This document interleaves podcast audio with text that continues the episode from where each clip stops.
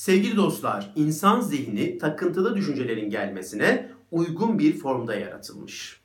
Bu nedenle de herkes öyle ya da böyle takıntılı düşüncelere maruz kalabilir. Ve bu takıntılı düşünceler kişiye kılıktan kılığa girerek gelirler. Ve takıntılı düşüncelerin girdiği kılıklardan belki de en yaygını ya olursa şeklinde olanlardır. İnsan zihnine ya olursa ya olmuşsa şeklinde takıntılı düşünceler gelebilir. Ya kapıyı kapatmamışsam, ya ocağın altını kapatmamışsam, ya arabayı kitlememişsem, ya çocuğuma zarar verirsem, ya birine zarar vermişsem, ya görevimi eksik yapmışsam. Bir de bunlara ek dünyada yaygın olan formlardan bir tanesi de şudur. Psikolojik sorun yaşayabileceğiyle ilgili takıntılı düşünceler.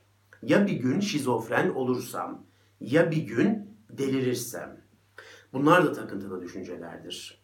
Bakın sevgili dostlar, bu saydığım ya olursa şeklindeki takıntılı düşünceler sadece görüntü olarak birbirinden farklı. Ama öz itibariyle hepsi aynıdır. Bunların tamamı takıntılı düşüncedir. Bazen kişiler şöyle bir şey söylüyorlar. İşte hocam el yıkama ile ilgili bir takıntı olsa okey. Bu beni çok rahatsız etmez. Bunu halledebilirim. Ama zihnime örneğin işte ya şizofren olurum, olacağım gibi bir düşünce geldiği zaman bu beni çok rahatsız ediyor. Bundan kurtulamıyorum diyor. Ben de diyorum ki bununla bu aynı şey. Elini yıkamayla ilgili zihnine gelen takıntılı düşünceyle ya şizofren olursam şeklinde gelen takıntılı düşünce birbirinin aynısı. Bunlar OKB'nin eseri. Bunlar takıntılı düşünce. Görüntü olarak farklı, içerik olarak farklı ama öz itibariyle her ikisi de aynı. Her ikisi de takıntılı bir düşünce, obsesif bir düşünce. Şimdi kişinin zihnine bu şekilde takıntılı düşünceler ya olursa şeklinde obsesif düşünceler geliyor ve kişi sanki bu düşünceler gerçekleşmiş gibi ya da gerçekleşecekmiş gibi rahatsızlık duymaya başlıyor. İşte biz buna psikolojide düşünce eylem kaynaşması diyoruz. Yani zihne gelen bir düşüncenin gerçekleşmiş ya da gerçekleşecekmişçesine kişiyi rahatsız etmesi. Tabi böyle bir durum yaşandığında kişiler iki tane temel hata yapıyorlar. Ki zaten bu iki temel hata takıntılı düşüncelerin OKB denilen rahatsızlığa dönüşmesine neden oluyor. Biz bu iki temel hatayı anlarsak neyi doğru yapacağımızı da daha iyi anlarız. Peki bu iki temel hata ne? Birincisi şu, aşırı derecede sorumluluk alma. Kişilerin yaptığı belki de en temel hata bu. Zihnine gelen ya olursa şeklindeki ya da ya olmuşsa şeklindeki düşüncelerin sorumluluğunu alıyor. Sanki bu cümleler kendisininmiş gibi sorumluluk alıyor. Daha önce çektiğimiz videolarda da söyledik. Dedik ki takıntılı düşünceler bize ait değildir. Ve ben şöyle demiştim, şunu sıkça tekrarlayın demiştim. Bana ait olan zihne, bana ait olmayan düşünceler gelebilir ve bu düşünceler benim zihnimde serbestçe gezebilir. Bu düşünceler bana ait değil, benim değil ama benim zihnimde gezebilirler. Bunu sıkça söyleyin demiştim. Bu çok önemli bir telkin cümlesi. İşte biz ilk olarak bu hatayı yapıyoruz. Bu cümlenin zihnimize gelen o ya olursa şeklindeki takıntılı düşüncelerin sorumluluğunu alıyoruz. Bizimmişçesine sorumluluğunu alıyoruz. Ki zaten sorumluluk almak, o düşüncenin sorumluluğunu almak OKB rahatsızlığının da temel noktası. Şimdi siz bir şeyin sorumluluğunu alırsanız doğal olarak o sorumluluk sizi eyleme geçirir.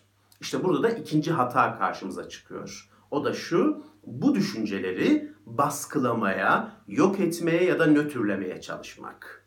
Şimdi siz düşüncenin sorumluluğunu alıyorsunuz. Kendi düşüncenizmiş gibi sorumluluğu alıyorsunuz. E sorumluluk doğal olarak sizi harekete geçiriyor.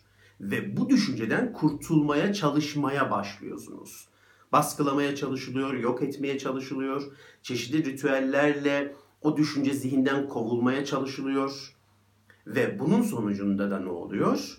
O takıntılı düşünceler artarak gelmeye başlıyor. Ve işin içinden neredeyse çıkılmaz bir hale geliyor olay. Şimdi bir anne baba düşünün. Çocuğuna zarar verme ile ilgili zihnine takıntılı bir düşünce geldi. Ya çocuğuma zarar verirsem? Şimdi bu düşüncenin sorumluluğunu alırsa anne baba doğal olarak kendini sorgulamaya başlıyor. Bakın sorumluluğunu almayla başlıyor her şey. Bu cümle bana ait dediğinizde kendinizi kötü hissetmeye başlıyorsunuz.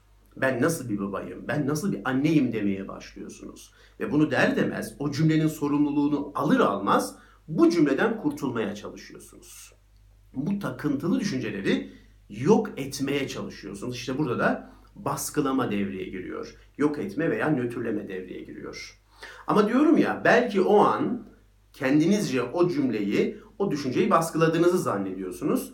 Ama belli bir süre sonra o düşünceler artarak gelmeye devam ediyor. Evet yapılan iki temel hata bu. Doğal olarak sevgili dostlar ya olursa şeklinde zihnimize gelen takıntılı düşüncelerde yapılacak şey çok net. Bir, sorumluluk almayacaksınız. Sorumluluk almayacağız. Bu düşünceler bana ait değil.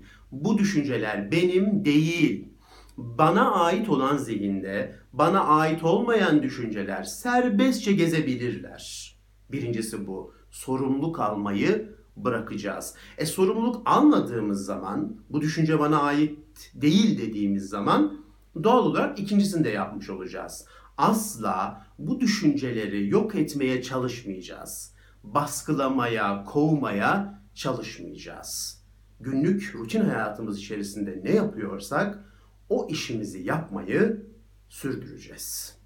Evet, ya olursa şeklinde takıntılı düşüncelere karşı neler yapabileceğimizi anlatmaya çalıştım. Dinlediğiniz için teşekkür ederim.